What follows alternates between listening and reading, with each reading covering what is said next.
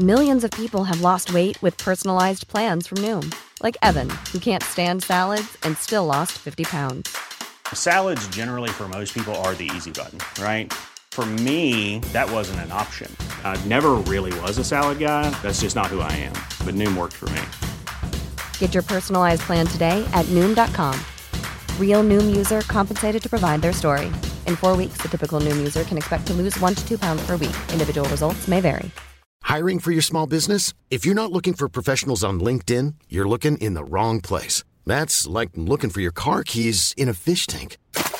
LinkedIn helps you hire professionals you can't find anywhere else, even those who aren't actively searching for a new job but might be open to the perfect role. In a given month, over 70% of LinkedIn users don't even visit other leading job sites. So start looking in the right place. With LinkedIn, you can hire professionals like a professional. Post your free job on linkedin.com slash people today. Burrow's furniture is built for the way you live.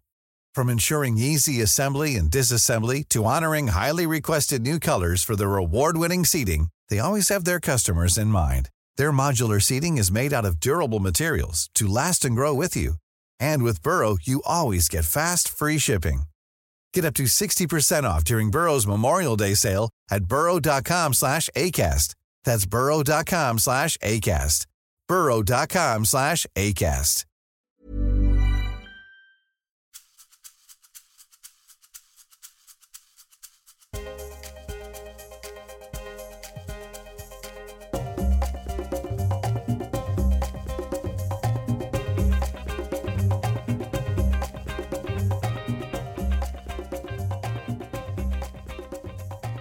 Välkomna till Karriärpodden och till mig Eva Ekedal. Den här veckan har ju varit helt fantastisk. Det har ju snackats så mycket om eh, framgångsrika kvinnor och det har varit internationella kvinnodagen och vi har korat, eller Veckans Affärer har korat eh, Sveriges mäktigaste kvinna. Och nu ska det bli ännu mera snack om framgångsrika ledare i Karriärpodden. Eh, vi har ju som avsikt att eh, kartlägga olika branscher och olika roller eh, när det gäller ledande kvinnor i karriären. Och i det här avsnittet så träffar jag Anna Färje Hagansbo som är verksamhetschef på akutkliniken på Danderyds sjukhus. Anna blir min första gäst som är från landstingsvärlden och hon har en gedigen karriär som chef och ledare inom sjukvården i ryggen. Eh, hon har jobbat i flera olika roller och på olika avdelningar. Dels som chefsjuksköterska på kirurgavdelningar men också som enhetschef på specialistmottagningar. Hon är utbildad sjuksköterska i botten och är ju då en av de få verksamhetschefer inom sjukvården som inte är läkare. Så följ med och lyssna på ett intressant samtal som också handlar en del om hur det är att vara ledare på ett sjukhus.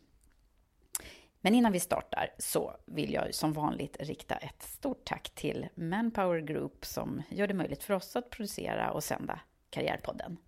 Men nu är det dags! Nu kör vi!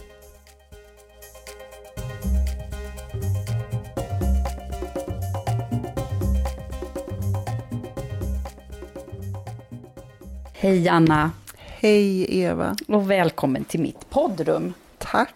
Vad härligt att få vara här. Ja. Du, hur mår du? Nej, men jag mår bra.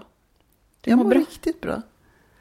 Din veranda är ju helt underbar att få sitta här och titta ut över vattnet. Ja, och tänk om vi kunde öppna upp här nu. Det kan vi inte nu, men eh, snart så. Mm. Tänk om det blir en sån här härlig vår och sommar som kommer nu. Det blir det. Ja, det blir det. Mm.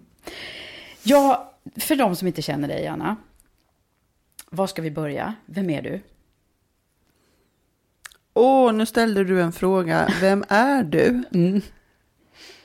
Eva, då måste jag berätta att um, jag håller precis på och skriver ledaren till en tidning i Chefer och ledare. Mm. Och där har vi en artikel av Troed Troedsson. Där han precis tar upp den frågan som du ställde.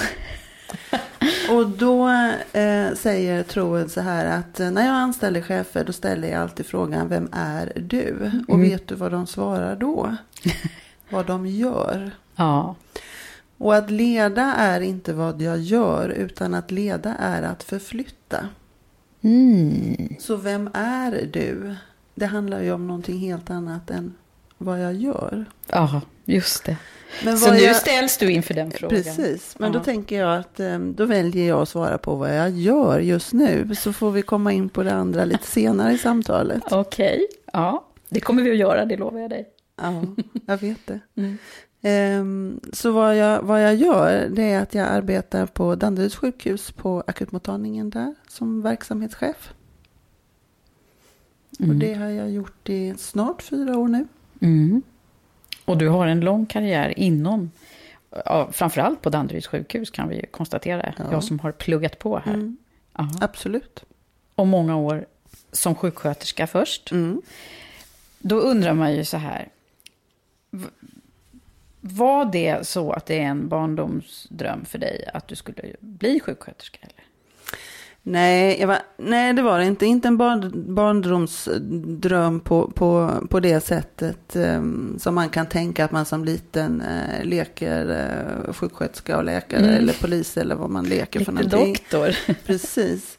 Nej, in, inte, inte så. Ehm, jag tänkte nog mer när jag var, var yngre att ehm, jurist, diplomat, ute i världen, ta ett samhällsansvar, mm, ta Mm. hand om de som var, inte kunde föra sin talan och få bli en del i det.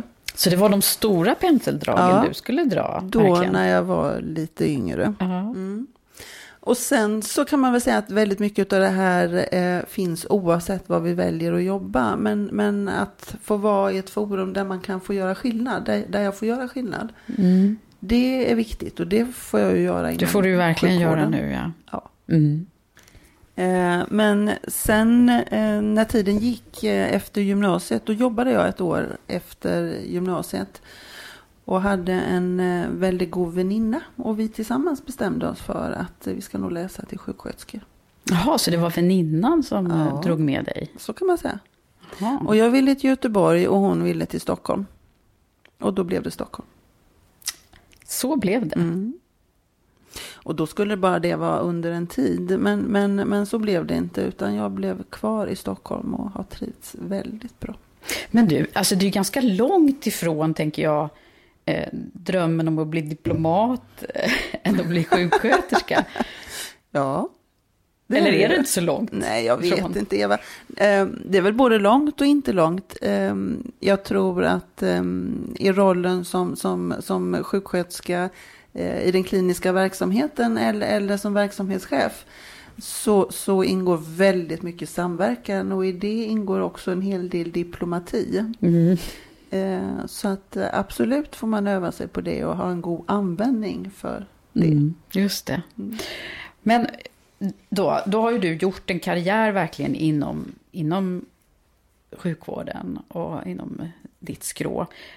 Vad, vad, vad ska man, hur gör man då när man gör karriär som sjuksköterska? Hur ser det ut? Man kan göra olika karriärer som sjuksköterska. ehm, förstås, som inom alla yrken. Ehm, jag tänker, nu har vi alldeles för många sjuksköterskor som inte jobbar i sjukvården. Och, och det är en jätteutmaning för oss. Ehm, för just sjuksköterskeyrket, som jag tänker läraryrket, och det finns ganska många yrken eh, som är en bra grundutbildning. Mm. Sen är det många, många som väljer att jobba några år inom sjukvården i det här fallet. Och så hittar man på andra saker. Och då kan man jobba med försäljning, man kan jobba med forskning, man kan jobba på bank. Om du bara tänker på alla apotek som finns nu där man kan gå in och göra en hälsokontroll och få reda på sitt blodsockervärde eller blodtryck och så får man lite råd hur man ska bete sig. Mm. Det fanns inte förut överhuvudtaget. Du menar det är sjuksköterskor som, som ligger Ja. bakom det? Ja. Mm. Men och den här bristen då? eh, Mm. Ska vi Som finns. ta avhandla den kanske på en gång då?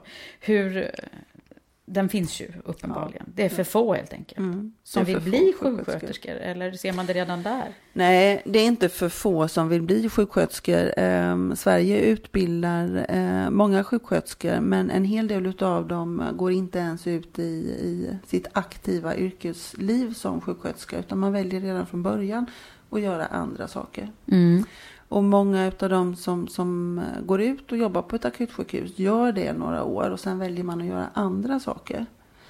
Och vi som är på akutsjukhusen, vi vill ju verkligen behålla våra sjuksköterskor där. Därför att det tar 5, 10, 15 år innan man blir en sån riktigt duktig sjuksköterska som alla andra kan luta sig mot och känna styrka och trygghet i. Mm. Ehm, arbetstider. Att det finns en arbetsmarknad vid sidan om. Eh, det har hänt väldigt mycket inom sjukvården de senaste 10, 15, 20 åren. Vi har en privat marknad som är helt annorlunda än vad den var tidigare. Så vi är många som slåss om sjuksköterskorna. Mm. Vi behöver bli betydligt bättre på att attrahera våra sjuksköterskor på akutsjukhuset. Och kanske bättre på att betala dem, tänker jag då. Vi behöver bli bättre på att betala dem och vi behöver bli bättre på att vara tydliga med varför vi finns till och vad vi vill. Mm. Och hur eh, den enskilda individen kan göra karriär hos oss. Och hur, hur ser det ut då? Mm. Ja, för, alltså, jag vet inte hur många gånger man har hört den här eh, klyschan om att eh, det är de som tar hand om våra IT och, och datorer tjänar dubbelt så mycket som de som tar hand om oss när vi är sjuka. Mm. Det är ju, det är ju helt... eh, Jag förstår fortfarande inte hur det har kunnat bli på det här sättet. Nej. Är det inte så, tänker jag, med, med många av de eh, yrkena man kan prata om manligt och kvinnligt och, och yrken som är kvinnodominerande är, har- vet vi ju då är lite lägre betalda. Men, men om man jämför sjuksköterskeyrket med läraryrket eller med sjukgymnastyrket, alltså man, Mm. vem, vem jämför man sig med och hur ser då löneingången och löneutvecklingen ut? Mm. Men du håller med mig om att det är förskräckligt? Ja, jag håller med dig om att ingångslönen hos oss, eh, den kan nog vara ganska okej. Däremot så behöver vi absolut ha en löneutveckling. Mm. Man behöver kunna veta att eh, det finns en, en, en lönetrappa. Jag kan göra karriär på det här stället och jag kan tjäna pengar om jag gör ett gott jobb. Hur, hur gör man då om man, vill, om man är intresserad av att tjäna pengar och är sjuksköterska? Blir väljer man då att bli chef eller ledare eller väljer man att bli eh, specialist? Eller? Mm. Alltså sjuksköterskeyrket är ju ett fantastiskt yrke.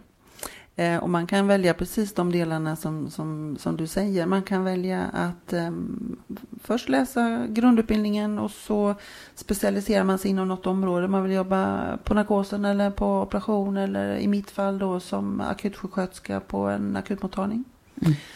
Eh, men man kan också välja att forska och gå vidare och undervisa och själv forska. Eh, Man kan naturligtvis välja chefsbanan också. Som jag har gjort. Som du har gjort, ja. Det är jätteroligt. ja. Och vet du vad, Anna? Nu, ska vi, det, det, det, nu har vi i alla fall slagit fast att sjuksköterskorna har för lite betalt. Ja, Ja, men vi, vi ska faktiskt prata om, om dig nu. Så även om du inte ville börja med att berätta alla dina innersta tankar här i min första frågeställning. Så tänkte jag ändå att vi skulle få forska lite i vem du är och va- varför, det har liksom, varför du har gjort den här väldigt fina karriärresan. Och också har blivit rekommenderad till att, eh, att komma och bli intervjuad här i Karriärpodden. För det är ju faktiskt så, du har kommit på rekommendation när jag frågade vem som var bäst kvinnlig ledare. Eh, på Danderyd så var det ditt namn som kom upp. det är ju helt fantastiskt. Ja, Mm. eller hur? Ja, då blir man väldigt glad. Ja, och då måste vi ju liksom undersöka här. Vad är det nu för människa som ligger bakom det här? Och vad har varit dina framgångar och lärdomar längs vägen? Mm. Vad, om du skulle beskriva dig själv. Nej men gud, den här är ju så klassiskt dålig fråga. Men eh, eh, försök då. Låtsas att vi är på en anställningsintervju nu. och så får du svara på vem, om du skulle liksom ta fram dina mest utmärkande egenskaper. Vad är det som kommer då? Mm. Eva, det där tycker jag är jättesvårt. För det är, ju, det är alltid sånt här som, som andra egentligen ska berätta eh, om en själv. Och eh, nej men det här är jag inte speciellt van vid. Så är det. Jag pratar väldigt gärna och jag pratar väldigt gärna om, om uppdrag och vad vi är till för och vad vi ska göra. Eh, jag kan ibland tycka att det är lite svårt att prata om mig själv. Mm. Är det så? Det är jättespännande. Ja, så är det. Och det tror jag att jag behöver bli bättre på. Det är inte självklart, det är någonting man behöver lära det, det också. ja. Men jag, träning, så du får träna nu. jag får träna här, nu, Live. absolut. Nu ska jag träna. Eh, Men jag tänker att eh, när du ställer den där frågan så, så, så vill jag eh, och arbetar för att eh, använda både hjärta och hjärna. Mm. Alltså jag tänker att eh, för mycket hjärna och för mycket, eller för mycket hjärta och för mycket person, det, det, det blir inte bra för det kan bli kladdigt och geggigt. Men för mycket hjärna kan bli fyrkantigt och lite opersonligt. Så jag tänker att man behöver bägge de här delarna och, och jobba med att verkligen använda hjärta och hjärna. Mm, just det. Och hur har du lärt dig det här då, tänker jag? Om vi forskar lite grann i vem du var från allra första början då. Mm. Vart växte du upp? Eh, då växte jag upp eh, i Jönköping. Mm. Ligger i Småland. Mm. Mm. Mm. Hur såg familjen ut? Eh, mamma och pappa och sen är vi fyra syskon. Och då är jag äldst utav de fyra syskonen och Mm. jag har tre småbröder. En stora syster till. Bockar jag av. Mm. Mm. Så, vad sa du nu? Tre småsyskon? Tre småbröder. Just du, s- ensam eh, tjej också. Ja, ensam tjej. Hur har det varit då? Om du, om du liksom reflekterar en stund över det. Att ha syskon är ju helt fantastiskt. Sen vet jag att jag önskade mig en lilla syster. Eh, nu är det fyra år mellan eh, mig och eh, min äldsta eh, lillebror. Så då tror jag inte att jag var sådär väldigt medveten om kön och vad jag ville. Men eh, de andra två så önskade jag mig en flicka. Mm. Och eh, jag vet när mamma kom hem sista gången med yngsta lillebrodern. Då, då vågade hon knappt tala om att det hade blivit en lillebror till. då blev jag riktigt besviken för jag hade verkligen velat ha en lilla syster. Ja, det var så. Mm, Mm. Så var det. Varför ville du det, tror du? Ja, men jag tror att det var de här eh, fantasierna att ha någon som är lik en själv och, och kunna dela samma intressen och, och leka med. Mm. Eh, det var ju så att mina dockor de blev ju indianmålade och eh, halshuggna och av med sina armar när jag var liten. För då var brorsorna där. För då var bröderna där. Mm. Mm. Det är helt fantastiska bröder och jag är jätteglad för att det blev tre bröder. Mm. Eh, men då hade jag velat ha en lilla syster. Hur tror du att det har präglat dig då? Det här att vara äldst i syskonskaran och, och ha småbrorsorna att tampas med. När jag tänker på det här så tänker jag att jag, jag var ju ensam barn i, i eh, fyra år och eh, väldigt mycket kärlek och väldigt mycket tid. Eh, det är svårt att säga hur det har, har påverkat men, men det är klart att det påverkar på något sätt. Ja, de första åren Ja. är ju så viktiga. Ja. Mm. Det är klart att de gör. Men då fick du mycket uppmärksamhet och kärlek först Ja. i alla fall. Som ju förstingen får faktiskt, kan man ju konstatera. Mm. Och sen så kom det då tre småsyskon, tre, tre bröder. Så att jag, jag tror att eh, jag tror att jag ganska tidigt, eh, eller un, under tiden på något sätt i vilket fall som helst, eh, en, en viss självständighet, ansvarstagande. Mm. Om inte för någon annan så åtminstone för mig själv. Just det. Vem är du mest lik då, mamma eller pappa? Jag tror att jag har bägge två i mig. Mm, absolut. Men kan du se så här tydliga drag, vem du Ja, har fått vad av? Mm. Eh, till viss del så kan jag det. Och, och när det gäller personlighet så tror jag jag har både mamma och, och pappa i mig ganska mycket. Eh, men, men jag kan komma på mig själv med att uttrycka mig på ett sätt eller att gå på ett sätt eller ha gester eh, som jag ser hos min mamma. Och pappa, vad har du fått från honom? Ehm, pappa är väldigt ehm, pragmatisk. Och ehm, man jobbar och man visar vad man går för och vad man kan. Och sen är det resultaten som talar för sig. Det är väldigt mycket pappa. Vad, vad jobbade föräldrarna med? Vad jobbade pappa med? Pappa jobbade som, arbetade som ingenjör. Han är pensionär sedan många år tillbaka nu. Han jobbar som ingenjör. Och eh, mamma började med att läsa till eh, förskollärare. Och sen läste hon in en eh, specialistlärarutbildning. Och jobbade på länssjukhuset i Jönköping. På barnkliniken där. Så där har vi en koppling ändå. Ja, det har du rätt i. Ja, Mm. jag letar ju efter de här liksom, vad, Mm. varför man väljer, gör sina val. Mm. Tror du att det är så att mamma har varit en förebild för dig? Jag tror de har varit förebilder bägge två, fast på, på, på olika sätt naturligtvis. Jag är osäker på om det här med sjukvården kommer från mamma. Det handlar nog mer om, om, om att se helhet och, och, och vilja ta ett ansvar. Ehm, det tror jag kommer från mamma. Mm. Mm. Det där är ju så intressant tycker jag. Man, ibland så har man ju föräldrarna som förebilder men ibland väljer man ju motsatta strategier mot föräldrarna och så hittar man någon annan som man, som man sätter upp som idolen när man är liten. Mm. Har du någon, gjorde du något sånt eller? Om jag hade någon idol? Mm. Ja, eller jag tänker på förebild sådär Ja. rent yrkesmässigt. Nej, inte när jag var liten. Nej, Nej, det tror jag inte. nej. Nej. Utan det var väninnan där som drog iväg med dig. Ja, precis. Ja. Var Vad, det. vad gör hon idag då? Är hon inom sjukvården? Ja, absolut. Mm. Men hon arbetar på ett annat sjukhus här i Stockholm. Ja, okej. Som vi inte nämner namnet Som på. vi absolut finns inte det liksom på. en intern... Det finns konkurrens på samma sätt som i, i näringslivet om det Vilket gör sjukhus är bäst eller? Så är det inte, utan vi är ju, Stockholms läns landsting är ju en koncern. Just det. Eh, och har, har väldigt många gemensamma beslut och riktlinjer att förhålla oss till. Och det är ju helt nödvändigt. eh, Så ni samverkar mycket? Absolut Mm. gör vi det. Byter ni personal också emellan? Just med tanke på bristen där tänker jag på. Vi byter personal emellan och det gör vi betydligt mer än vad vi vill. Okej. Vi vill ju alla behålla vår personal. Det handlar ju... Alltså jag tänker att, um, att verksamheter överhuvudtaget behöver ha, ha en fast personalstyrka.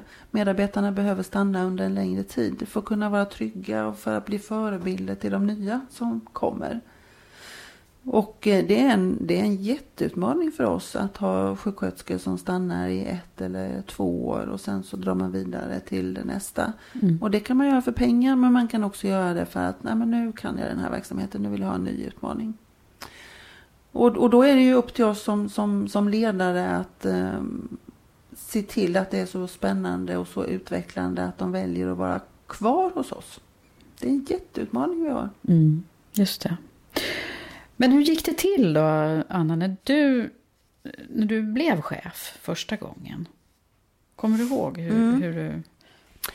Eh, absolut, det är klart jag gör. Ehm, jag blev färdig sjuksköterska redan på, i mitten på, på 80-talet och hann inte jobba så många år innan jag började fundera på vem är det som fattar beslut här och hur går saker och ting till?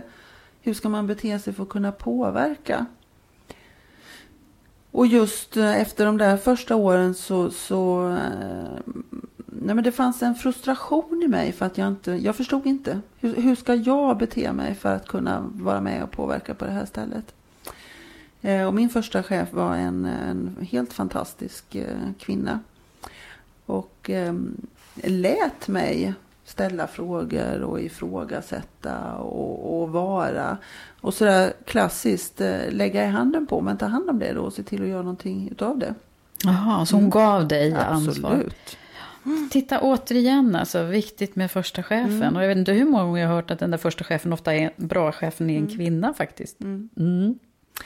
Så på den tiden Kul. då så fanns det en, en på Stockholms universitet eh, en utbildning i hälso och sjukvårdsadministration.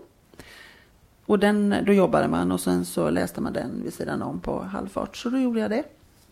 Eh, Och fick en någorlunda mer insikt i alltså hur, hur är landstinget organiseras och vad fattas beslut och vem styr över vem och så vidare. Och det gav ju mig eh, verktyg på ett annat sätt att kunna förstå och kunna verka. Mm. Sen har jag under många, många år tänkt att eh, de som är över mig i hierarkin, de eh, har eh, en annan sanning. De vet mycket mer. Alltså de där besluten som jag då kunde tycka var, var konstiga och inte förstå hur man hade fattat dem. Eh, tänkte jag att de över mig, de, de, de vet, de förstår, de har fattat de här besluten fast de verkar helt korkade när de kommer ner i, i den kliniska verksamheten. Mm. Ehm, och det där har ju varit väldigt spännande att få följa och få inse eh, när jag har gjort karriär och hamnat på de här posterna. Att eh, så är det ju inte alls, utan de som vet bäst är ju fortfarande de som står i skorna. Det är De som är närmast. som är på golvet i Mm. verksamheten. Mm. När kom du på det här? Ja, det är ju nästan pinsamt, för det är ju knappt jag har kommit på det än. Jag kan ju fortfarande få sådana såna tankar förstås. Eh, och det här är ju inget svart eller vitt, utan det finns ju bägge delarna i det här. Det beror ju på vilka glasögon man tittar och vilken horisont man står i. Mm. Ehm, Men, men ehm, att använda den kompetensen som finns i verksamheten är ju helt nödvändigt för att vi ska komma vidare. Mm. Det går inte att trycka ner förändringar. Det har vi lärt oss i alla fall. Ja, okej. Men du har ju varit på olika poster eh, inom sjukvården. Du har ju varit chefssjuksköterska och eh, chef för avdelningar och Mm. så. Inom kirurgin var det va? Eller? Mm. Mm. Det var det. Kirurg. Innan du liksom hamnade på den här nivån då? Absolut. För nu kallar du inte längre för första linjens chef? Nej. Eh, I vår organisation så är det då enhetschefer och chefssjuksköterskor, eh, läkarchefer som är, ja, när man har ett chefsansvar och ofta ett ekonomiskt ansvar också eh, för x antal personer och inte har några underlydande chefer, då är man ju första linjens chef. Mm. Sen kan man under sig ha sektionsledare eller ansvariga för vissa områden, men det kallar vi första linjens chef. Mm. Och just på Danderyds sjukhus så är vi en förhållandevis platt organisation. Vi har en VD förstås. Vi är ju ett bolag. Och sen eh, för varje verksamhetsområde har vi en verksamhetschef. Och då är jag verksamhetschef för akutkliniken på Danderyds sjukhus. Och så under mig så har jag då x antal chefssjuksköterskor och en chef för sekreterarna också. Mm. Mm. Är det stor skillnad på de här olika? Ja, det är klart det är. Men eh, vad är den stora skillnaden, tycker du? På de olika chefsjobben Jag tänker på det, tänker den liksom, Ja. trappan som du har Ja. klättrat på då. Ja. Alltså väldigt mycket i uppdragen är ju, är ju lika. Som första linjeschef så har man också ekonomi och personalansvar. Fast då har man det över en begränsad del. Det kan vara en avdelning eller det kan vara en bit av en större enhet. Eh, Och när vi, när vi pratar internt så brukar vi säga att som första linjens chef då är min arena eh, inrikespolitiken att på något sätt försöka likna det med någonting. Alltså då jobbar jag med det som händer inom min klinik och jag jobbar med det som händer inom sjukhuset. Mm. Eh, Och verksamhetschefen eh, jobbar då med utrikespolitiken. Samarbetar med klinikerna, men vad händer i Stockholms läns landsting och vad händer nationellt? Och hur ser det ut utanför Sverige och hur kan vi samverka och vad är det som händer och sker? Och speciellt spännande är ju det inom eh, organisation och ledarskap. Hur väljer man att organisera sig och hur ser man på utvecklingen? Och, Ja, just det. Mm. Vad, om man nu tittar på, på liksom din, från det att du blev ledare och sådär. Vad, vad har varit, eh, om man tittar på de roligaste grejerna då, till att börja med? mm. Vad har varit höjdpunkterna? Mm. Det har varit väldigt många höjdpunkter, eh, verkligen genom åren. Eh, när jag jobbade på, på kirurg och eh, urologkliniken så hände det väldigt, väldigt mycket under de åren. Eh, vid, vid, vid någon tidpunkt så var jag chef över en avdelning och vid någon annan eh, över två. Och sen byggde vi mycket under den tiden. Och jag fick då förmånen att eh, bygga upp en organisation som handlade om kvalitetsutveckling. Man jobbade inte med det på samma sätt som man gör idag. Eh, och det var helt fantastiskt att få rekrytera de personerna som skulle jobba med kvalitetsutveckling på sjukhuset. Alltså att leverera en bättre vård. Och, Ja, då, kunde det, då handlade det om eh, allt ifrån hur dokumenterar vi, att införa journal på datorn och gå från papper till, Ah, till eh, Mm. journal på datorn Mm. istället. Och vad skulle man skriva? Hur skulle det se ut? Och vad är det vi ska följa upp inom sjukvården? Idag läser man ju ofta i tidningen om man kan läsa om att eh, patienten är frisk när man kommer in och sen har man fått någon multiresistent bakterie när man kommer ut från sjukhuset, vilket är helt Mm. förskräckligt. Ja, Får inte förekomma. Mm. Och hur kvalitetssäkrar man det och hur jobbar man med förbättringsarbete så att inte det kommer att hända. Mm. Det är stort Eva, vi kan prata om det hur länge som helst. Mm. Mm. Så det var fantastiskt kul att göra och den organisationen har ju fortsatt att utvecklas och, och blivit större och finns kvar och gör ett jättebra jobb. Så det idag. där är liksom Ja. sådana grejer som du Ja. också är stolt över att Ja. du har varit med och... Verkligen. Mm. Sen bestämde Socialstyrelsen också att um, alla cancerpatienter skulle ha en kontaktsjuksköterska. Och det var också ett sånt arbete som, som jag fick göra och som var jättespännande att få anställa de här individerna som skulle vara kontaktsjuksköterskor. Jaha, så det var nytt då alltså? Ja, det var helt Det nytt låter ju som alldeles självklart i mina öron att Ja, man ska ha en det. kontaktyta som... Ja. När man, ehm, när man är sjuk och det finns många vårdinstanser och Stockholm som är stort. Vissa saker kanske jag gör på ett sjukhus och andra saker gör jag på ett annat sjukhus. Jag kan bli opererad på ett sjukhus Mm. men komma till ett annat för eftervård och för strålbehandling eller cellgiftsbehandling. Och ha någon som kan hålla ihop det där. Det var det uppdraget vi fick då och pengar till att starta det. Så det där var också kul Och att varit med om. urkul. Finns kvar. Ja, Mm. och de, en, en del av dem arbetar kvar och är ute och berättar om, om det arbetet idag. Mm. Mm. Fantastiskt. Mm, verkligen. Det måste ju vara skönt, tänker jag, att ha...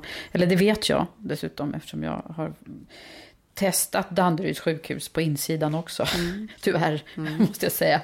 Men eh, det är oerhört mycket värt att ha, ha en eh, kontaktyta som man kan nå när som helst Ja, nästan. betyder och så. väldigt mycket. Ja, faktiskt. Jag vet inte om det är extremt bra på den avdelningen jag har varit, men det, eller också ser det hela Danderyd. Nu får ni lite reklam här. Ja, det tycker jag absolut. Ja. Det kan vi vara väl förtjänta Ja.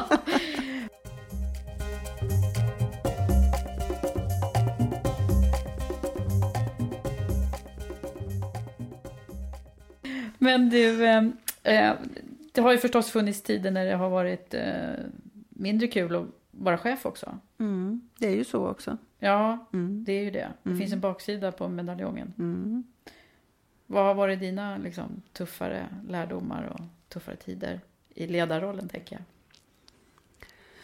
Eh, jag tänker att, eh, eh, jag tänker att, det, är, jag tänker att det är viktigt att vi, att vi vågar prova och ehm, vågar misslyckas. Och sen tycker jag det där ordet misslyckas, det blir så det, det blir så knepigt för det blir verkligen som ett misslyckande. Och ibland så tänker jag att vi lär oss mer på att eh, våga testa och så går det inte så bra. Och så behöver man inte kalla det för misslyckande därför att vi faktiskt lärde oss väldigt mycket på det. Mm. Ehm, Det, är, och- det är bättre att kalla det för lärdomar. Ja, det är bättre att kalla Ja. det för lärdomar. håller med dig om det. Mm. Ja, absolut. Ehm, och där tänker jag också på, jag tror inte alls att det är specifikt för sjukvården, men, men, men vi har uppe det på agendan och vi pratar om det ibland. Vi har många indikatorer som ska levereras och statistik som ska levereras. Eh, och det gäller att inte fastna i det som ska levereras och de kraven som ställs på oss.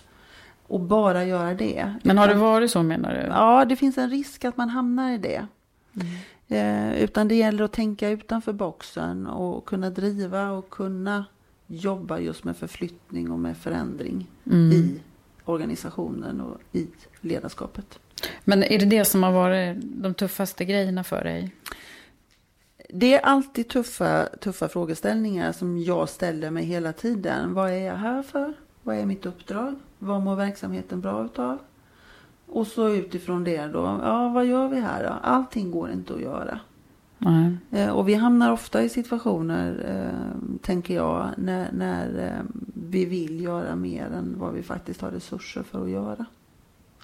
Men sådana här tuffa, tuffa situationer som, som man har varit i, då tänker jag på en speciell händelse. Då var jag ganska ny som chef. Ska jag berätta? Ja, gör det. Ja. Får vi reda på. ja.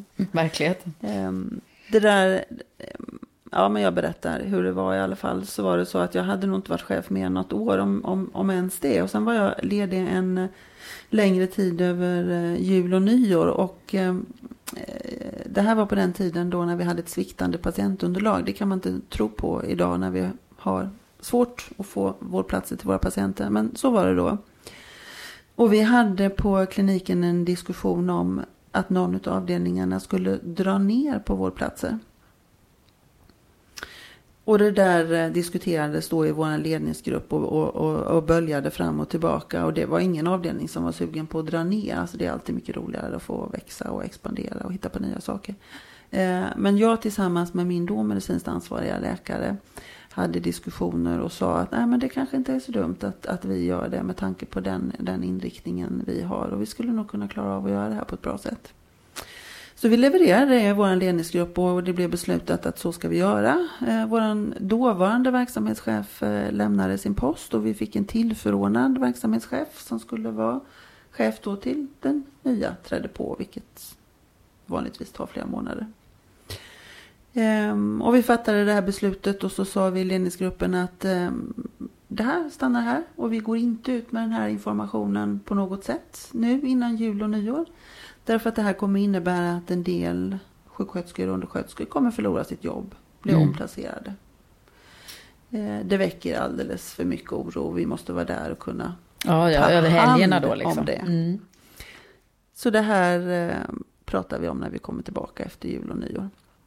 Och det var ju mitt uppdrag att göra det naturligtvis för mina medarbetare. Ehm, men under tiden som jag var borta så, så var det då så att den här tillförordnade chefen ehm, jobbade över jul och nyår och, och var upp på avdelningen och eh, gick runt och pratade med en del av medarbetarna att det ska nog finnas jobb till dig någon annanstans. Jag har pratat på den kliniken och det ska nog gå att ordna någonting för dig. Oh, så han läckte? Eller hon, mm. Förlåt. Och det här tog ju lite tid innan de förstod vad det handlade om. Men, men han fick ju berätta sen då att jo men det är ju faktiskt så att eh, ni ska ju dra ner och bli en veckoavdelning här. Oh. Ehm. Och, det här det, var när du var borta alltså? Det här var när jag var borta. Och det, det, det gör ju någonting, eh, alltså förtroendet för mig försvann ju helt och hållet. Han gjorde det ju väldigt jobbigt för mig att vara chef. Mm. För när jag kom tillbaka så hade jag ju tappat förtroendet i den arbetsgruppen. Hur kunde du uh, åka iväg på semester utan att berätta för oss? Um, och det tog, uh, alltså det tog en, en god stund för mig att förstå vad var det som hade hänt. Um, och hur får man tillbaka det förtroendet i en grupp? Mm. Och det tog också en hel del tid att göra det. Mm. Och just då så förstod jag inte så mycket. Men nu efteråt när jag har reflekterat över alltså vad, vad är en ledningsgrupps ansvar? Hur jobbar vi ihop? Mm. Och hur förmedlar vi budskap till, till våra medarbetare? Och hur stärker vi varandra som, som chefer? För att få verksamheten att mm. Och hur bli så delar man information och så? Ja. Mm. Oh, vilken lärdomsresa ja. Mm. eh, på många sätt. Mm. Fast det var inte du som egentligen hade gjort fel, men du fick mm. erfara vad som ja. händer när och hur, hur alltså det, den, det, det, visar ju på hur viktig den här kommunikationen och hur mm. viktig en ledningsgrupp är. Och att man är tydlig med Ja, verkligen. Mm. Mm. Ja, det låter ju som en och det, och det var många år sedan och det var precis i början av chefskarriären. Och, och, och, ofta är det ju det där som händer då som man sätter lite spår och som man reflekterar till. Ja. Och det är nyttigt. Ja, verkligen. Jättenyttigt. Du, jag tänker på det här med, med att du faktiskt är sjuksköterska i botten och har många av dina chefskollegor som är, de allra flesta är läkare, eller hur är det egentligen? Utav verksamhetscheferna? Ja. Mm. Så är det, eh, så är det fortfarande och det ser nog lite olika ut på olika sjukhus och inom olika områden. Men eh, det är fortfarande så att de allra flesta verksamhetscheferna är läkare. Varför, varför är det så? Ja, det var en bra fråga, Eva. ja, men för mig som är utanför eh, tycker jag ju liksom, vadå, det är väl inte läkekonsten som egentligen... Nej, det är det ju inte. Uh, och den kan Absolut, ju både sjuksystrar och läkare på ja. olika sätt. Visst är det så. Och uh, vi har väl kommit en liten bit på väg. Uh, det är också så, I'm Sandra, and I'm just the professional your small business was looking for. But you didn't hire me because you didn't use LinkedIn jobs. LinkedIn has professionals you can't find anywhere else, including those who aren't actively looking for a new job but might be open to the perfect role, like me. In a given month, over 70% of LinkedIn users don't visit other leading job sites. So if you're not looking on LinkedIn, you'll miss out on great candidates like Sandra. Start hiring professionals like a professional. Post your free job on linkedin.com/people today. Burrow's furniture is built for the way you live. From ensuring easy assembly and disassembly to honoring highly requested new colors for their award-winning seating, they always have their customers in mind. Their modular seating is made out of durable materials to last and grow with you. And with Burrow, you always get fast, free shipping. Get up to 60% off during Burrow's Memorial Day sale at burrow.com slash ACAST. That's burrow.com slash ACAST. burrow.com slash ACAST. Many of us have those stubborn pounds that seem impossible to lose, no matter how good we eat or how hard we work out. My solution is PlushCare. PlushCare is a leading telehealth provider with doctors who are there for you day and night to partner with you in your weight loss journey. They can prescribe FDA-approved weight loss medications like Wagovi and Zepbound for those who qualify. Plus, they accept most insurance plans. To get started, visit plushcare.com slash weight loss. That's plushcare.com slash weight loss. Hey there, it's Michelle Norris. I'm host of a podcast called Your Mama's Kitchen. When I travel, I'm usually looking for a way to find a taste of home when I'm not at home. And one of the things I love to do when I am at home is entertain. And Airbnb allows me to do that. When I was in California recently, I rented a house that had a great kitchen. And when we were sitting around the table, we were all thinking, we're in someone else's house. Someone could be in all of our homes as well. If you have a home, but you're not always at home, you have an Airbnb. Your home might be worth more than you think. Find out how much at airbnb.com/slash host. Wow. Nice. Yeah. What you're hearing are the sounds of people everywhere putting on Bombas socks, underwear, and t-shirts made from absurdly soft materials that feel like plush clouds. Yeah, that plush. And the best part? For every item you purchase, Bombas donates another to someone facing homelessness. Bombas. Big comfort for everyone. Go to bombas.com slash ACAST and use code ACAST for 20% off your first purchase. That's bombas.com slash ACAST. Code ACAST. Tänker jag att um, tidigare så var det den bästa läkaren som blev läkarchef och den bästa sjuksköterskan som blev chefssjuksköterska eller avdelningsföreståndare. Eh, nu är det inte så. Vi har en väl utvecklad eh, chefsrekryteringsprocess på sjukhuset. Eh, verkligen. Eh, men men eh, vi har en, en lång väg att gå innan vi kan se att eh, chef och ledarskap och organisation, det är, vågar jag säga, en egen profession. Mm. Just det. Det är inte så att eh, den duktigaste läkaren eller den duktigaste sjuksköterskan automatiskt är den absolut bästa ledaren. Eh, ofta tänker jag att det faktiskt är precis tvärtom. Mm. Att den duktigaste läkaren kanske ska jobba just precis med det den är duktig med, precis som med sjuksköterskan. Men tror du att det ligger... eh, Är det det här liksom att det, var, att det är så många kvinnor som är sjuksköterskor? Att det liksom är kvinnligt och manligt som spelar in i det här också? Att männen har mera makt i chefsroller? Mm. När det gäller sjuksköterskor så är det absolut så att de flesta fortfarande är kvinnor, även om det börjar komma in en hel del män. Ja, vad är det för procentsats där? Ja, jag tänkte att du skulle fråga om det. Jag kan faktiskt inte riktigt svara Nej. på det. Men, men majoriteten är ju absolut sjuksköterskor. Och när man tittar på läkare så har det ju varit tvärtom. Eh, De flesta läkare har ju varit eh, män. Men, men så är det ju inte nu heller. Jag undrar om det inte är 50-50 ungefär. Okej. Och sen ser det olika ut eh, inom de olika specialiteterna. Ortopeder är fortfarande mest män. Och, och, och inom internmedicin så tror jag att kanske att det faktiskt är fler kvinnor. Eller åtminstone ungefär lika. Ja. Mm. Så vad händer med, med genusperspektivet i, inom sjukvården? Om man tittar på, på första linjens chefer och då pratar vi chefssjuksköterskor, då är det flest kvinnor, absolut. Så där avspeglar det sig. Eh, och tittar man på nästa nivå, verksamhetschefer, så i vår ledningsgrupp så är det, jag tror att det är 50-50. Tittar man då på, på hela sjukvården så är vi ju fler kvinnor som jobbar på Danderyds sjukhus än vad vi är män. Och då borde det ju, om man nu ska Borde tänka så, avspegla sig ja, på. Mm. sitta fler kvinnor i ledningsgruppen. Och det gör det inte. Och jag, jag kan tänka samma sak där, att eh, dra, dra nytta utav eh, genus på samma sätt som dra nytta utav grundprofession. Ehm, Hur tänker du då? Ja, då tänker jag att vi behöver vara både kvinnor och män. Och vi behöver i ledningsgruppen som ska styra och leda och driva och utveckla Danderyds sjukhus. Där behöver vi också vara representerade i de olika professionerna. Mm. För tillsammans, alltså man, man, man missar någonting ehm, i ledningsgruppen om man eh, är för lika. Mm. Det är ju de här olikheterna vi behöver Precis. för att kunna se och få kunna lyfta och kunna ha bra diskussioner. Mm. Och där ser jag ett värde utav att det finns sjuksköterskor, att det finns andra typer av grundprofession. Mm. Okej, så ni jobbar med den här jämställdhetsfrågan Jag jobbar med den hela tiden. Ja. Hur gör du då? Ja, då är jag tillbaka där, där vi började genom att visa.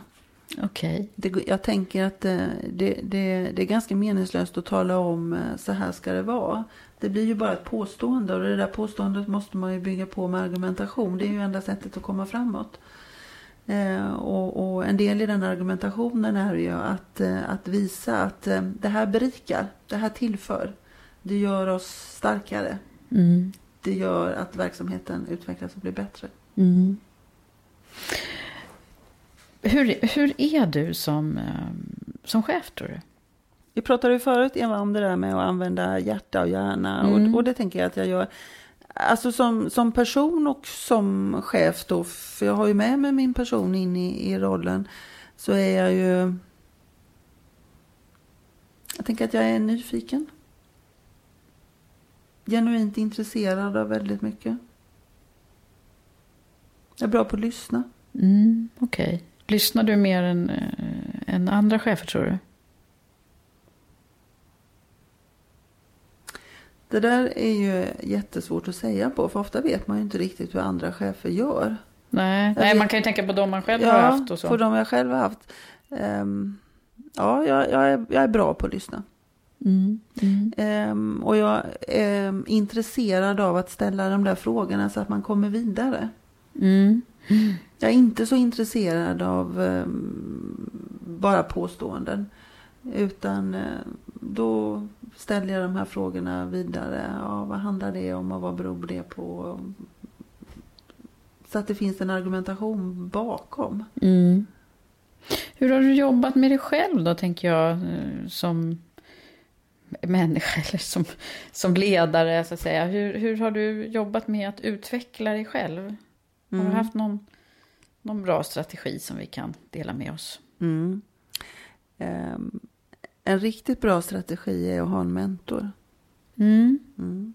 Har du haft det? Ja, det har jag haft. Och det har jag haft förmånen att ha under väldigt lång tid. Ehm, Jag har en mentor som heter Mia von Knorring. Mm. Och henne träffade jag första gången när jag läste organisation och ledarskap på Karolinska institutet.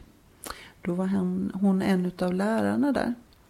Och sen hade vi ett mentorskapsprogram och då, då kunde vi få hjälp eh, via HR på, på sjukhuset att eh, ordna en eh, mentor.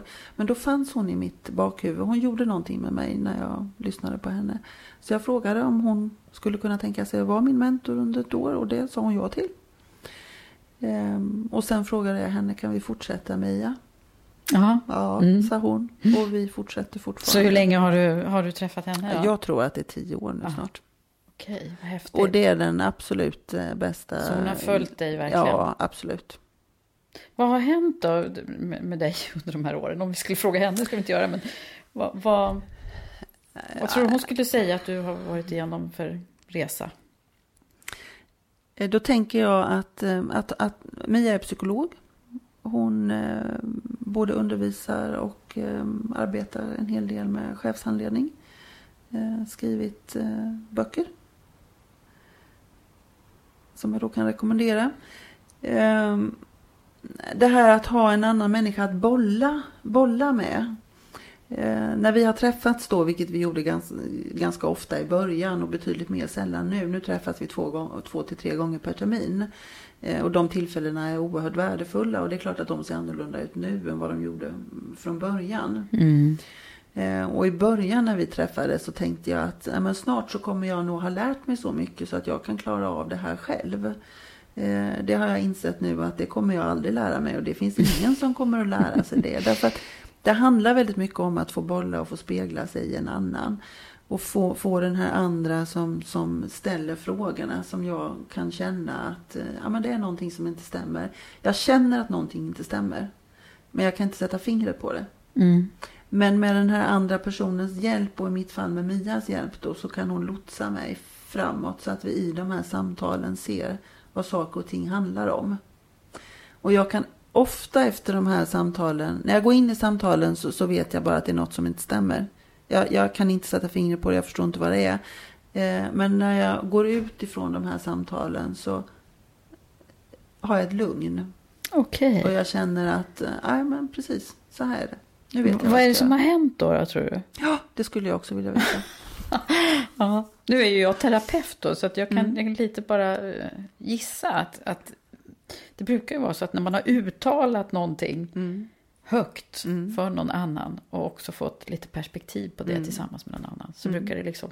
Ja. Det är som att ta fram spöken ur garderoben eller Ja, tända visst lampan. det. Och kunna, och kunna, kunna se, eh, precis som du säger, när man, när man säger det högt och så kan man sortera in i fack och säga, Mm. ja, men det här är ju det här och det här är ju det här Mm. och ja visst ja, det här känner jag igen, det ska jag hantera så här. Eh, men oerhört värdefullt att få göra det. Mm. Vad härligt att ha en sån eh, Ja. person Ja. med så länge, under så Mm. lång tid också, Mm. tänker jag. Det är jag oerhört tacksam för. Ja. Och det tänker jag att för mig har det varit den bästa utvecklingen som bara har, har kunnat finnas. Mm. Eh, Och att alla chefer absolut skulle ha en Alla borde ha en ledarskapscoach Mm. eller mentor. Mm, mm. Ja, men eh, vad härligt.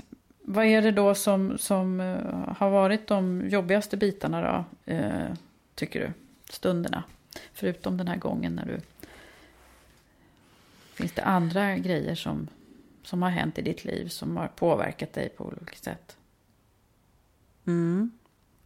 Det gör det, Eva. Ehm, Det som har påverkat mig, mig eh, allra mest, eh, tänker jag, det är när jag blev eh, sjuk. Det var också under den här tiden när jag jobbade som chefssjuksköterska på kirurgen på, på Danderyd. Eh, 2007 så fick jag bröstcancer. Mm. Det var jättetufft. Förstås.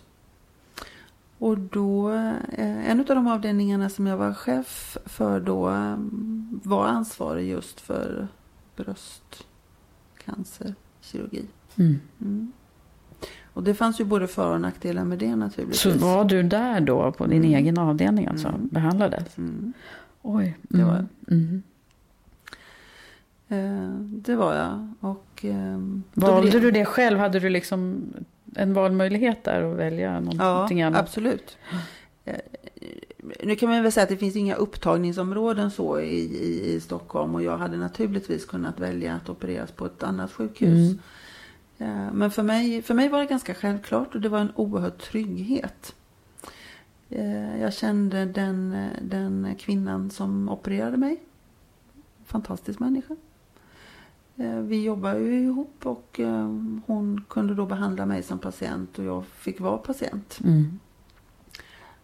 Väldigt proffsigt på alla sätt och vis. Och jag visste ju att jag skulle få det bästa omhändertagandet eh, som jag kunde få och var, var trygg i det.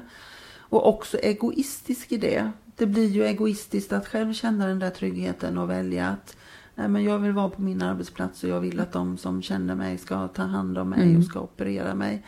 Eh, Det ställer ju oerhörda krav på de kollegorna som ska göra det. Mm. Eh, Och det tänkte inte jag på där och då, utan då, då var jag verkligen egoistisk. Efteråt så har jag reflekterat över att det var egoistiskt att göra så. Eh, Vad skulle du ha gjort annars då? Jag tänker att det är ganska tufft att vara både kollega och eh, behandlande Mm. läkare. Mm. Har ni pratat om det efteråt? Inte så här som du och jag gör nu. Det har vi inte. Nej. Men vi har en väldigt speciell relation. Ja. Mm. Ja, men det, det måste ju verkligen, det förstår Mm. jag. Att också, och också bli liksom patient i, Mm. i sin egen verksamhet. Det, alltså man blir ju så, det vet ju jag också då som Mm. sagt var, att man blir så otroligt sårbar. Och, Mm. ehm, och jag vet ju också att jag tycker att det är så konstigt, man tappar ju liksom sin identitet direkt när man får på sig de här sjukhuskläderna. Ja, visst gör man det. Och då tänker jag, är man då ledare också så, Ja. i, i, och aktiv i verksamheten? Och sen, sen tänker jag också, Eva, när man hamnar i de här eh, situationerna så, så eh, en krisreaktion går vi ju in i allihopa. Fast vi som är i vården kanske tror att vi klarar oss utan det, för vi vet ju hur allting är. Men, Mm. men det är ju inte så, utan vi beter oss ju precis som, Mm. som alla andra. Och Det är som skomakarens barn. Ja, precis. I chock Och förnekelse och alltihopa Ja. det där. Så är det ju. Men, men, men den perioden var ju naturligtvis urtuff. Dels att få en diagnos och så förhålla sig till det och så bli opererad och så med cellgifter och så vidare eh, efteråt. Så det, det var en jättetuff period i mitt liv. Mm. Eh, Men, men det var också en period eh, som jag har kunnat reflektera mycket till efteråt. Och- det handlar ju inte om att man vill vara med om det eller önska sig det. Men, men eh, lite grann som vi sa tidigare, man lär sig någonting och kan ta med sig det. Och vad är det värsta som kan hända kan vara en fråga som jag kan ställa mig eh, ganska ofta nu och, och reflektera till på ett helt annat sätt. Vad är det värsta som kan Mm. hända? Alltså det kan hända ganska mycket Mm. Innan det värsta händer. Mm. Tänk att man ska behöva liksom få de här perspektiven för att, Mm. för att förstå att dammtussarna i hörnet inte är så himla allvarliga. Och också att man vågar ge sig in i saker. Och jag tänker på vår organisation på akutmottagningen. ehm, Att vi vågar göra saker och, och allting blir inte bra. Men, men vad är då det värsta som kan hända om vi provar det här? Mm. Ja, klarar vi av det? Ja, det gör vi. Nej, men då testar vi. Mm. Alltså jag måste säga att eh, jag är så imponerad av eh, personerna som jobbar inom sjukvården som också kan parera det här känslospelet som man ju befinner sig i när man är sådär sårbar och hudlös när man är Mm. sjuk. Mm. Eh, jag minns en, en operationssköterska som du säkert vet vem det är då som, som eh, verkligen liksom, ja, hon verkligen knöt, knöt an till mig under den här svåra stunden som jag hade då. Eh, på ett sätt som jag kände att det, var helt fantastiskt. Gud vad härligt. Vad glad Ja. jag blir att du säger det. Ja, Mm. verkligen. Det finns väldigt många duktiga Ja, det gör det. sjuksköterskor och läkare. Och läkare, Okej. absolut. Ja. Och undersköterskor och så vidare. Ja. Nej men så är det ju. Väldigt mycket tror jag är lika i våra, våra olika områden. Nu, nu pratar vi om sjukvård men, men, men de här kvaliteterna och rollerna de behöver ju finnas oavsett eh, vilket forum man befinner sig. Mm, mm. Ja, tuffa lärdomar ändå att Mm. behöva gå igenom. Mm.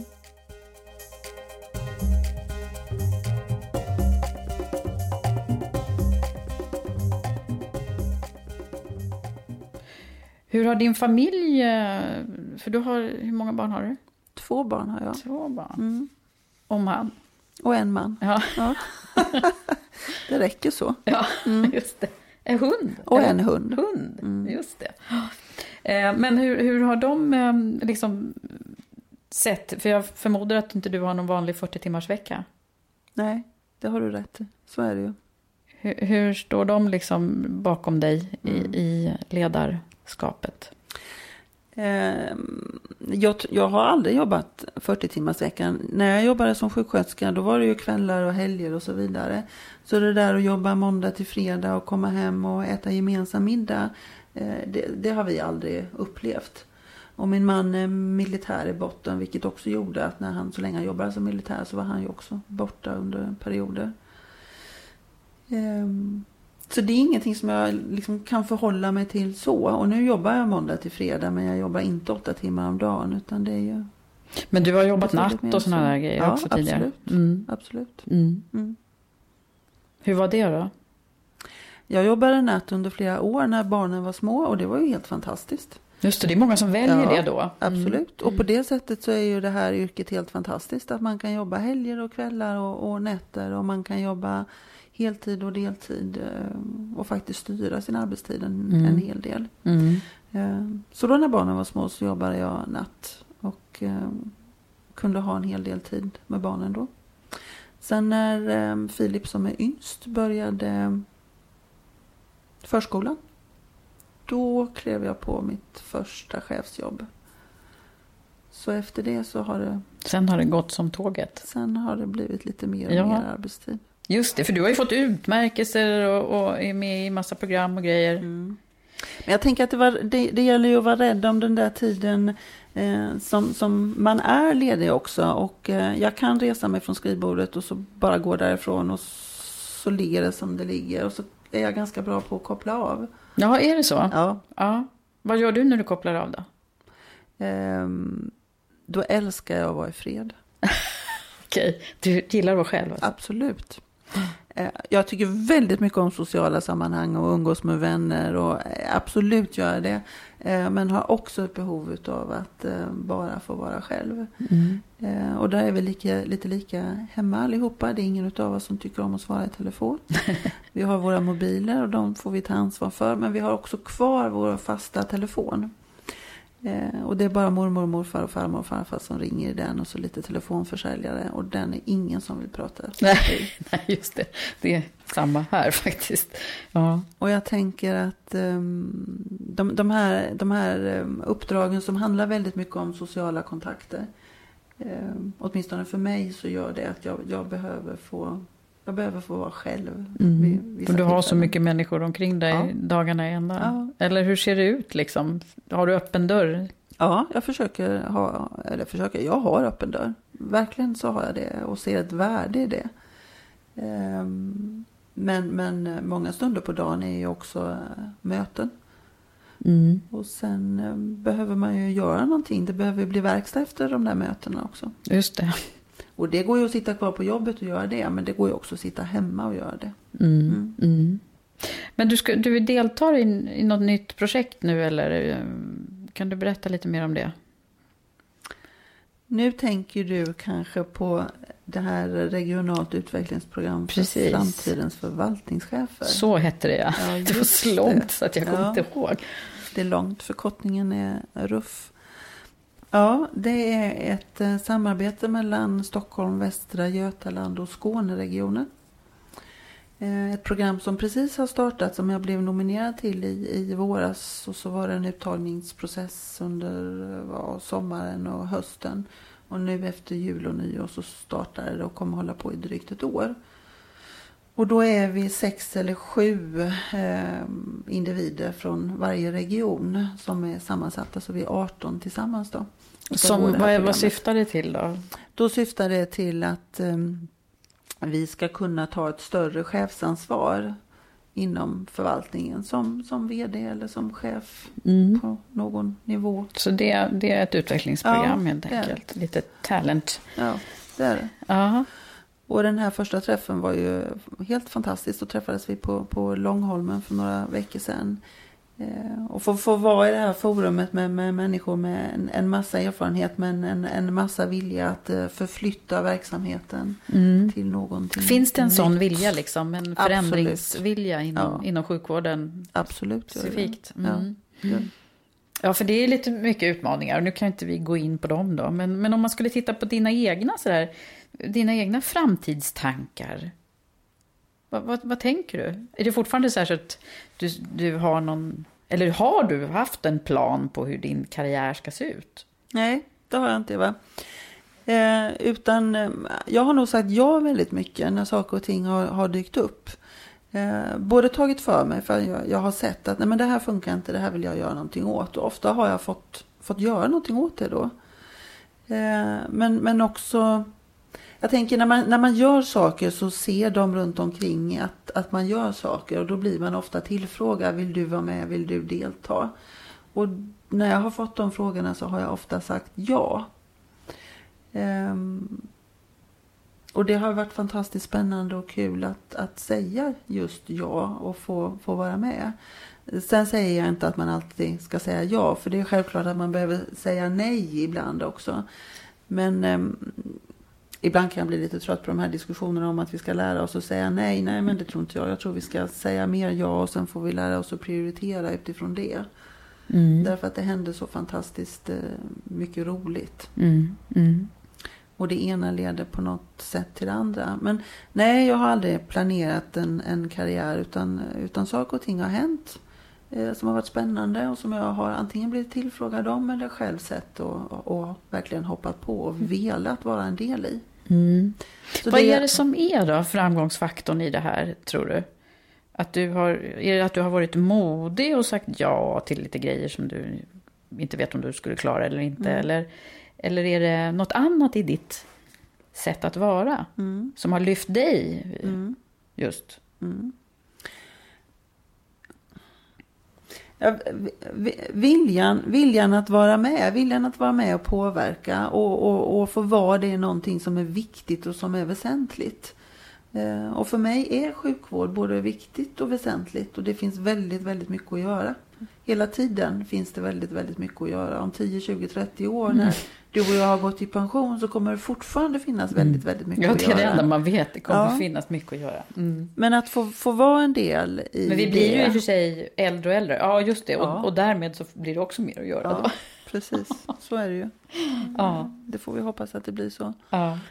Nej, men en, en, en drivkraft och en vilja att eh, få vara med och få påverka. Mm. Mm. Men nu när du kan liksom blicka tillbaka lite, du, du får ju göra det nu när du sitter här i Karriärpodden. Men eh, vad är det som, som du ser är sådär, det här var vägskäl eller viktiga eh, saker som hände i mitt liv Mm. som, som gör att jag är den jag är idag? Mm. Jag tänker att jag ska reflektera över så stora frågor. Ja. Så det, här, det här allra, allra första, att, att jag valde att eh, satsa på chef och ledarskap. Eh, det handlade ju om att jag såg att saker och ting skulle gå att göra på ett annat sätt. Eh, och det går inte att låta bli det då, utan då måste jag ta i det. Det är helt nödvändigt. Du hade liksom idéer och tankar Ja. om hur... Mm. Så, så där började ju det hela. Och sen när man ger sig in i någonting så tänker jag att eh, för min del så har det ju blivit mer och mer spännande och mer och mer utmanande och vuxit efterhand. Eh. Och jag var väldigt lång tid på kirurg och urologkliniken. 11 år var jag där som chef. Eh, och jag tänker att hela den tiden så, så hände det väldigt, väldigt mycket. Jag fick nya saker i händerna hela tiden. Jag var på väg därifrån eh, vid några tillfällen. Men, men då kom det stora, nya, spännande utmaningar att, att ta i.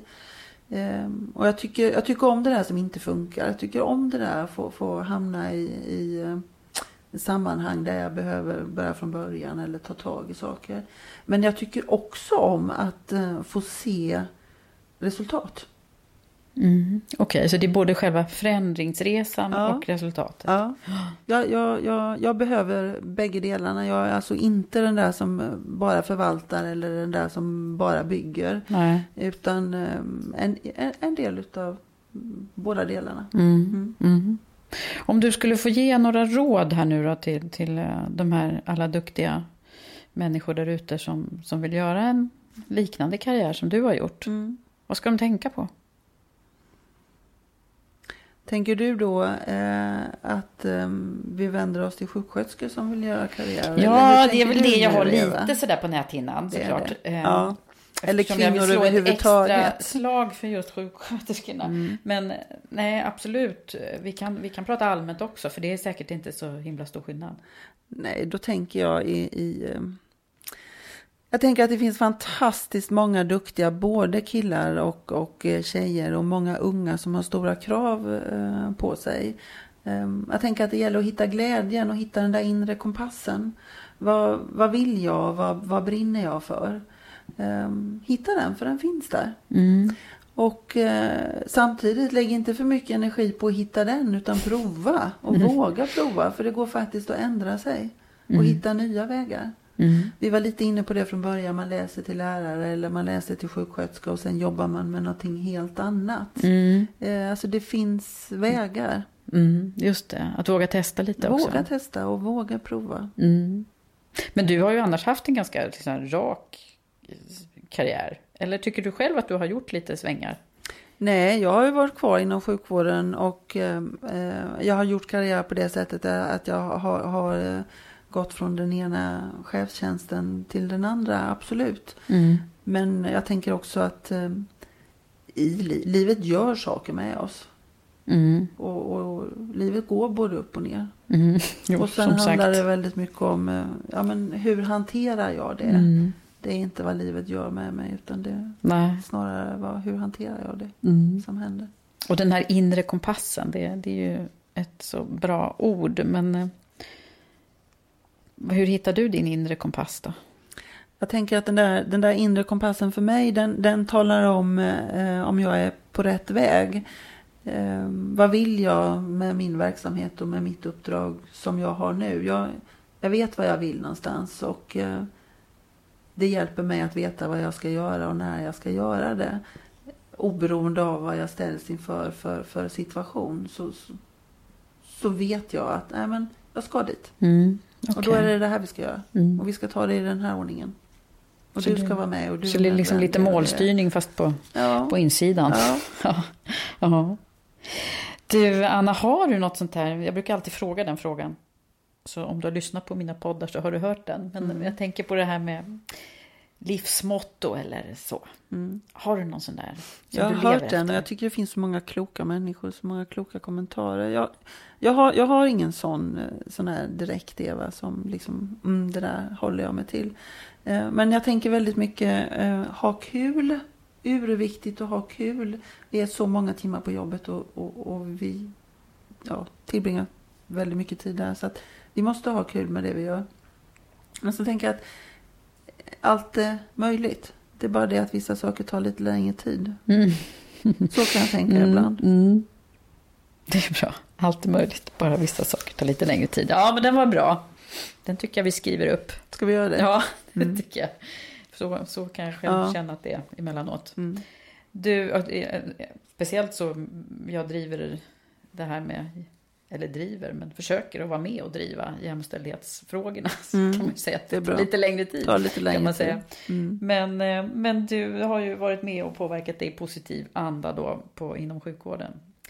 Ehm, Jag ska ju också säga att du kommer att få en, eh, en fråga här ifrån min förra gäst i Mm. podden. Ehm, Och ehm, så den tänkte jag ställa nu, så får vi se hur, hur du svarar på den. Jag får se om jag kan svara då. Ja, Mm. det var ju eh, Cissi Alvin som var här för några veckor sedan och då så fick hon fundera ut vad hon var nyfiken på. Då visste hon inte vem hon skulle ställa frågan till. Eh, Men då eh, lyder den så här. När var du senast nöjd med ett beslut du tog och hur gick det till när du fattade det? Hon ville nämligen vara väldigt konkret, sa hon. Mm. Det var ju en få lite- konkret fråga. Ja. Mm. Ehm, absolut. Då eh, har jag nog som exempel en, en organisatorisk förändring. Mm, det låter ju sådär upphetsande. Ehm, Ja. Men i alla fall så en organisationsförändring Mm. som vi har eh, beslutat om att genomföra och kommer att genomföra inom det närmaste. Mm. Vill du att jag går in och berättar om vad det är? Nej, nej, nej, det kanske vi inte behöver Nej. göra. Men det var en organisatorisk förändring. En Mm. organisatorisk förändring. Ja. Som- Och hur gick det till då när du fattade beslut i den här frågan? Mm. Ehm, då kan man säga att underlaget till det här är att vi under en längre tid har, har arbetat ganska intensivt med att få vissa saker att fungera på ett visst sätt. Och vi har inte kommit hela vägen fram där. Och eh, då, då mm, blev det här ett beslut som gör att vi, vi vänder på det hela och så börjar vi om och så gör vi på ett annat sätt istället. Mm. Eh, Jag tänker att man kan hålla på, man kan hålla på under en viss tid och man har ett mål eh, framför sig och jobba efter det. Men man, måste också inse att ibland går det inte och då behöver man vända på alltihopa och tänka i andra banor. Och det var det, Och det var det vi gjorde nu. Mm. Mm. Behövde du mycket fakta och underlag då när du liksom skulle säga vad du tyckte i frågan? Ja, då kan man ju fundera över vad som är mycket. Men, men, men just det här har vi försökt att få att fungera att, eh, i ett år i alla fall. Eh, Och då är ju allting relativt. Är det lång eller kort tid? Då har vi jobbat med en förändring under lång tid som vi har sett att det här går inte. Mm. Eh, Och då kommit fram till att nej, nu får vi. Och jag, jag, det, det kan nog vara väldigt olika. Jag har inga problem med att fatta beslut eh, för det mesta. Eh, Det är däremot viktigt för mig att eh, kommunicera besluten. Så att man förstår. Man behöver inte tycka om, men man behöver förstå. Vad låg till grund för det här då? Vad kommer det här in- innebära? Hur ska vi hantera det? Mm. Okej, så kommunikationen kring hur ni Ja, har det är viktigt. tänkt. Ja. Mm. Det är Mm. viktigt för mig. Det låter som en bra sak. Mm. Mm. Det är en utmaning att lyckas med. Mm. Ja, Mm. det- Jaha, och så ska ju du få ställa en fråga då till, till nästa gäst som inte du vet vem det är. Mm. Vad, vad har du för skicka vidare fråga då? Det kan ju vara vad som helst. Då fick egentligen, jag ju den utav dig innan och eh, jag tycker det är en, en, en kluring. Men jag tänker att jag ska ställa en fråga som handlar om syfte. Mm. Och då skulle jag vilja skicka vidare en fråga som, ja ungefär så här då. Um, hur, har du, um, hur har du arbetat med syftet i din verksamhet? Um, dels för att landa i det själv och dels för att uh, få dina medarbetare att ta till sig syftet. Syftet, vad jag förstår, syftet med varför, varför vi finns, typ, eller? Precis. Mm. Eh, precis, Ver verksamhetens syfte. Vad är vi här för? Vad är vi till för? Mm. Eh, och då, då hamnar vi inom sjukvården ofta i måluppfyllelse. Eller i, i vision. Eh, och jag tänker att det är helt, helt olika saker. Och det där syftet är oerhört väsentligt. Mm. För att mm. jag som medarbetare ska kunna gå till jobbet och veta vad jag ska göra där. Och då tänker jag att din nästa gäst eh, skulle vara jättespännande om vederbörande kunna reflektera över hur landade jag i, i det här syftet för min verksamhet? Mm. Hur förmedlar jag det till mina medarbetare mm. och, och, kollegor? Och kan jag se att det på något sätt påverkar resultatet i verksamheten och i så fall på vilket sätt? Mm. Oh, det där var en jättebra fråga. Det får en person som kommer här bita Visst är det spännande? Ja, ja men det är mm. faktiskt lite kul med de här, mm. för att se vad ni kommer med för olika frågeställningar. Ja. ja, Anna, då börjar det närma sig lite summering här. Vad är det nu för fråga som, eh, som jag inte har ställt som du tycker att det här borde hon väl för tusan ha tänkt på att ställa? Jag tycker du har ställt jättemycket frågor, Eva. Det här är ju sånt där ämne som man kan prata om eh, hur mycket som helst förstås. För det finns så många spännande och roliga frågor. Men jag känner mig ganska nöjd. Mm. Mm. Vad bra, mm. det är ju jag med. Vad bra. Då får jag tacka så mycket för att du har tagit dig tid och har varit med mig här. Tack Eva, det har varit jättehärligt att få vara här. Tack. Tack.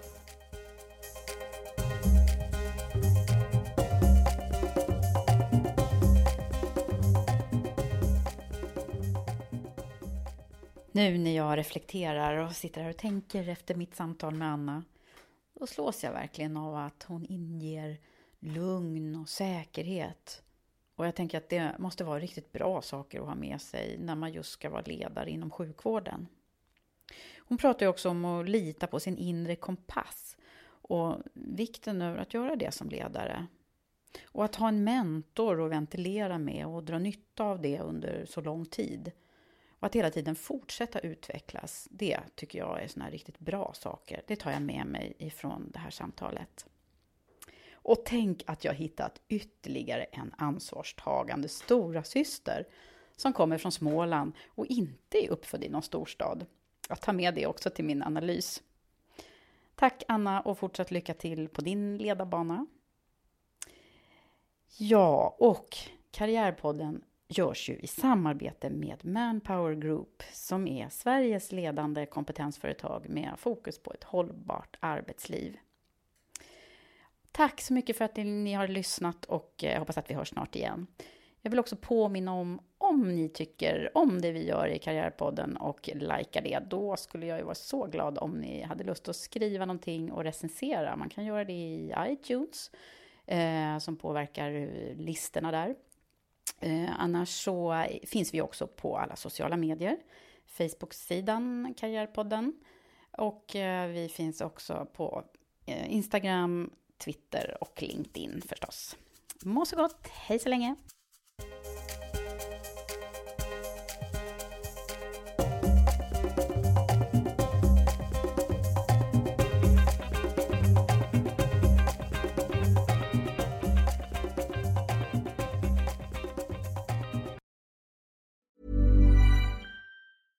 Mom deserves the best, and there's no better place to shop for Mother's Day than Whole Foods Market. They're your destination for unbeatable savings, from premium gifts to show-stopping flowers and irresistible desserts. Start by saving 33% with Prime on all body care and candles. Then get a 15-stem bunch of tulips for just $9.99 each with Prime. Round out Mom's menu with festive rosé, irresistible berry chantilly cake, and more special treats. Come celebrate Mother's Day at Whole Foods Market.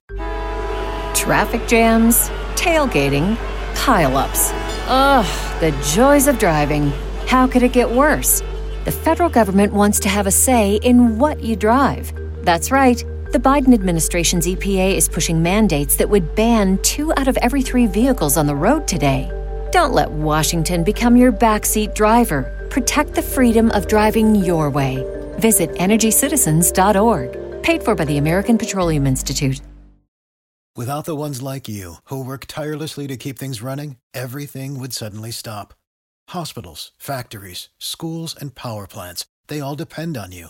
No matter the weather, emergency, or time of day, you're the ones who get it done. At Granger, we're here for you with professional grade industrial supplies. Count on real time product availability and fast delivery. Call clickgranger.com or just stop by. Granger for the ones who get it done.